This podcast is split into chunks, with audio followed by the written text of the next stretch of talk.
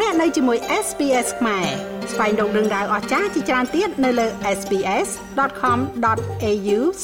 ខ្មែរ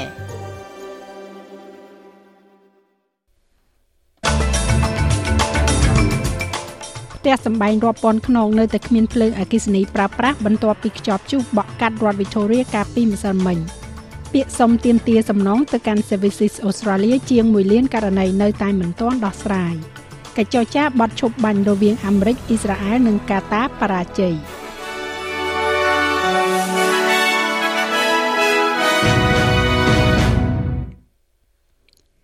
កសិករចិញ្ចឹមគោយកទឹកដោះម្នាក់បានស្លាប់នៅក្នុងខ្យល់ព្យុះដែលបោកបក់កាត់រដ្ឋ Victoria កាលពីម្សិលមិញដោយបានបន្សល់ទុកនៅអាជីវកម្មនិងផ្ទះសម្បែងរាប់ម៉ឺនខ្នងគ្មានធម្មពលប្រើប្រាស់ លោកស្រីអភិបាលរដ្ឋ Jacinda Ardern បានបញ្ជាក់ថាបុរសវ័យ50ឆ្នាំរូបនេះបានស្លាប់នៅ Merbunos ក្នុងតំបន់ South Gippsland នៅពេលដែលគាត់ត្រូវបានបុកដោយបំណែកកំទេចកំទីបាក់បែកក្នុងអំឡុងពេលបើកត្រាក់ទ័រ។ បង្គោលខ្សែភ្លើងនិងខ្សែបណ្ដាញរាប់រយត្រូវបានដួលរលំ ហើយប៉មបញ្ជូនអគ្គិសនីចំនួន6នៅជិតអាណាគីបានដួលរលំកាលពីថ្ងៃអង្គារម្សិលមិញនេះធ្វើឲ្យអង្គភាពទាំង4នៅស្ថានីយ៍ធម្មពលលុយយ៉ាងអេដាច់ចរន្ត។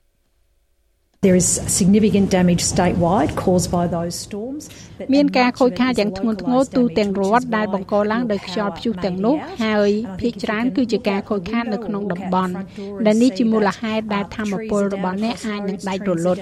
ហើយខ្ញុំគិតថាប្រសិនបើអ្នកអាចមើលទៅខាងក្រៅបង្អួចឬក៏ដើរចេញពីទ្វារមុខផ្ទះនឹងឃើញដើមឈើរលំធ្លាក់ឆ្លងកាត់ផ្លូវដើមឈើរលំនឹងប៉ះពាល់ដល់ខ្សែបណ្ដាញអគ្គិសនីនោះប្រហែលជាមូលហេតុដែលដាច់ភ្លើងអគ្គិសនី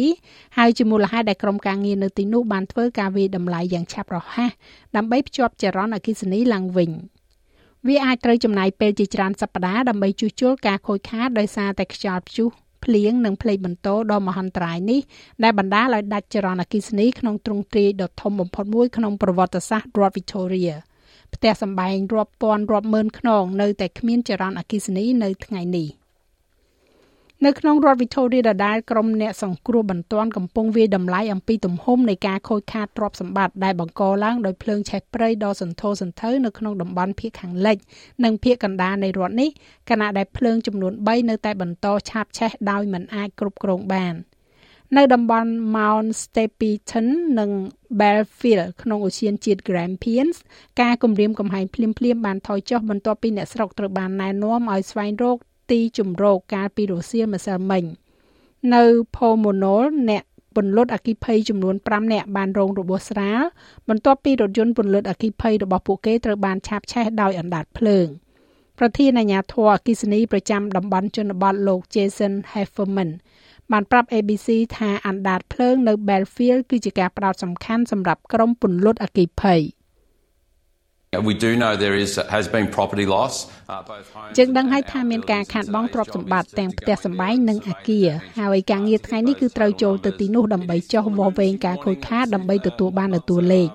វានៅតែមានការព្រមានជាបន្ទាន់មិនឲ្យស្នាក់នៅក្នុងតំបន់នោះនៅពេលនេះវាយឺតពេលហើយនៅក្នុងការចាក់ចេញដែលភាគច្រើនដោយសារតែស្ថានភាពភ្លើងឆេះហើយក៏មកពីស្ថានភាពដើមឈើដ៏គ្រោះថ្នាក់ផងដែរ។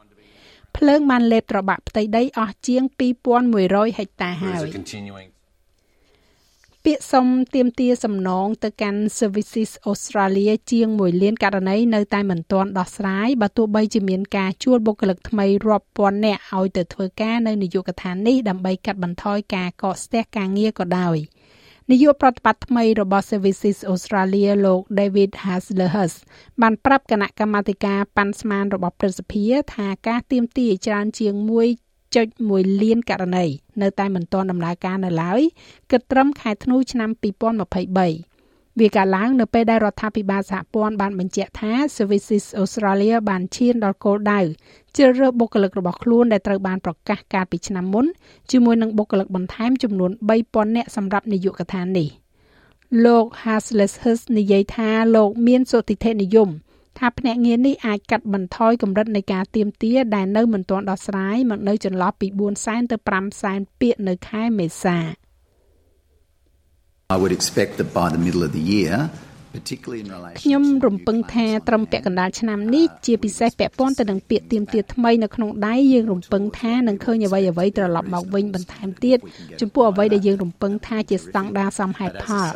ប្រសិនបើយើងអាចធ្វើវាបានឲ្យធ្លាក់មកនៅក្រោមនោះវាពិតជាអស្ចារ្យណាស់យើងនឹងបន្តតាមដាននិងផ្ដល់ដំបូន្មានដល់រដ្ឋាភិបាល។ មេដឹកនាំគណៈបកប្រឆាំងលោក Peter Dutton បានស្នើឲ្យលោក Barnaby Joyce យកច្បាប់ឈប់សម្រាកលើហេតុផលផ្ទាល់ខ្លួនដែលយើងហៅថា personal leave បន្ទាប់ពីលោកត្រូវបានគេថតជាប់កាលពីសប្តាហ៍មុនជាមួយនឹងការដេកសន្ធឹងនៅលើដីក្បាលផាងផ្កាហើយនិយាយពាក្យជេរប្រមាថ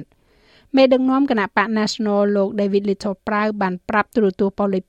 7ថាប្រសិនបើសិនជាលោក Joy ចង់មានបំណងចង់សុំច្បាប់ឈប់សម្រាកនោះលោកនឹងទទួលបាននូវការគ្រប់គ្រងនៅឯក្រៅប្រទេសវិញក្រុមអ្នកចរចាមកពីសហរដ្ឋអាមេរិកអេស៊ីបអ៊ីស្រាអែលនិងកាតាបានបរាជ័យនៅក្នុងការឈានទៅដល់ការសម្រេចបាននូវកិច្ចចរចាបទឈប់បាញ់ពាក់ព័ន្ធទៅនឹងសង្គ្រាមរបស់អ៊ីស្រាអែលនៅកាហ្សា នេះកើតឡើងនៅពេលដែលសហគមន៍អន្តរជាតិរួមទាំងសម្ព័ន្ធមិត្តជិតស្និទ្ធបំផុតរបស់អ៊ីស្រាអែលគឺសហរដ្ឋអាមេរិកបានអំពាវនាវឲ្យអ៊ីស្រាអែលបញ្ឈប់ការវាយប្រហាររបស់ខ្លួនទៅលើក្រុងភៀកខាងត្បូងរ៉ាហ្វានេះដែលមានប្រជាជនជិត1លាន5សែននាក់កំពុងជ្រកកោនពីជន្លោះអ៊ីស្រាអែលនិយាយថាយោធារបស់ខ្លួនកំពុងរៀបចំផែនការជំនះពួកគេ ប៉ុន្តែមិនទាន់មានផែនការណាមួយត្រូវបានផ្ដល់ឲ្យនៅឡើយទេហើយភ្នាក់ងារផ្ដល់ជំនួយនិយាយថាជនភៀសខ្លួនគ្មានកន្លែងផ្សេងទៀតដើម្បីទៅនោះឡើយនៅក្នុងទឹកដីដែលបាក់បែកខ្ទេចខ្ទីនេះទន្ទឹមនឹងនេះដែរមេនដឹកនាំបក Hezbollah របស់ប្រទេសលីបង់លោក Hassan Nasrallah និយាយថាការបាញ់ផ្លោងឆ្លងព្រំដែនរបស់ក្រុមប្រដាប់អាវុធលោកចូលទៅក្នុងប្រទេសអ៊ីស្រាអែលនឹងបញ្ចប់នៅពេលដែលសង្គ្រាមរបស់អ៊ីស្រាអែលលើតំបន់ហ្គាហ្សាបញ្ឈប់។ We're fighting in southern Lebanon យើងកំពុងប្រយុទ្ធនៅភាគខាងត្បូងប្រទេសលីបង់ដោយដាក់ការឃ្លាំមើលរបស់យើងទៅលើកាហ្សានៅពេលដែលការឈ្លានពានប្រឆាំងនឹងកាហ្សាឈប់ហើយនៅពេលដែលការបាញ់ប្រហារនៅកាហ្សាឈប់យើងនឹងបញ្ឈប់ការបាញ់ប្រហារនៅភាគខាងត្បូងពេលនោះរដ្ឋមន្ត្រីអ៊ីស្រាអែលបានចេញមកហើយនិយាយថាទេសូម្បីតែប្រសិនបើយើងឈប់នៅកាហ្សាយើងនឹងបន្តនៅភាគខាងត្បូងអូខេសូមស្វាគមន៍វាមិនមែនជាបញ្ហាទេអ្នកបន្តនៅភាគខាងត្បូងនៃប្រទេសលីបង់យើងនឹងបន្តនៅភាគខាងត្បូងនៅក្នុងប្រទេសកម្ពុជាវិញកាលពីម្សិលមិញនេះក្រសួងកសិកម្មរុក្ខាប្រមាញ់និងនេសាទបានចាប់ផ្ដើមបើកវគ្គបណ្ដុះបណ្ដាលដល់មន្ត្រីកសិកម្មឃុំចំនួន250នាក់ដើម្បីពង្រឹងសមត្ថភាពរបស់មន្ត្រីថ្មីទាំងនោះ។ លោកបណ្ឌិតយ៉ងសាំងកុមាររដ្ឋលេខាធិការក្រសួងកសិកម្មរុក្ខាប្រមាញ់និងនេសាទបានថ្លែងថាបន្ទាប់ពីទទួលបានការបណ្ដោះបណ្ដាលតម្រង់ទិសដំបូងដែលមានរយៈពេល4ថ្ងៃរួចមន្ត្រីកសិកម្មឃុំទាំងនេះនឹងត្រូវចាត់បញ្ជូនឲ្យទៅបំពេញការងារនៅតាមឃុំដែលបានជ្រើសរើសចំនួន250ឃុំក្នុងស្រុកចំនួន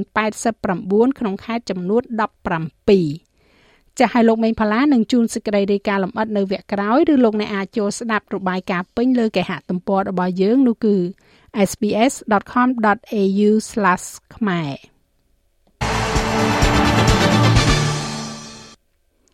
កីឡាករអុំទូកស្លាឡុំខាយ៉ាក់លោក Tim Anderson នឹងបង្ហាញខ្លួនជាផ្លូវការនៅក្នុងក្រុមអូស្ត្រាលីសម្រាប់ព្រឹត្តិការណ៍កីឡាអូឡ িম্প ិកទីក្រុងប៉ារីស វាត្រូវបានគេប្រកាសកាលពីថ្ងៃអង្គារថាលោកនឹងលេងជាមួយនឹងមិត្តរួមរដ្ឋ Victoria គឺលោក Tristan Carter ដែលមានអាយុ25ឆ្នាំហើយក៏ជាការបង្ហាញខ្លួនជាលើកដំបូងផងដែរ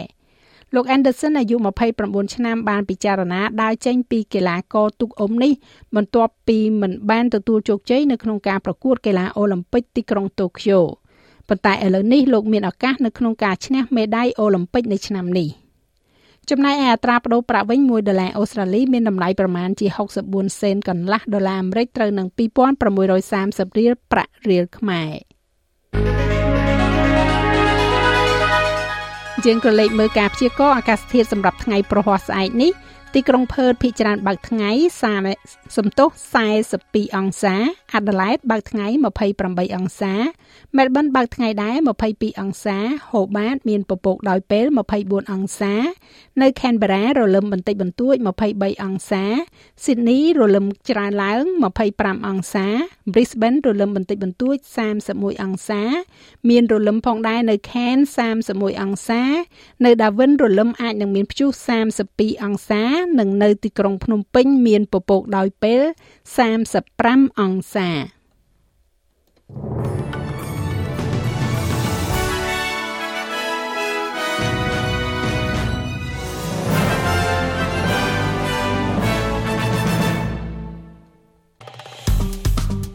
ចុច like share comment និង follow SBS ខ្មែរនៅលើ Facebook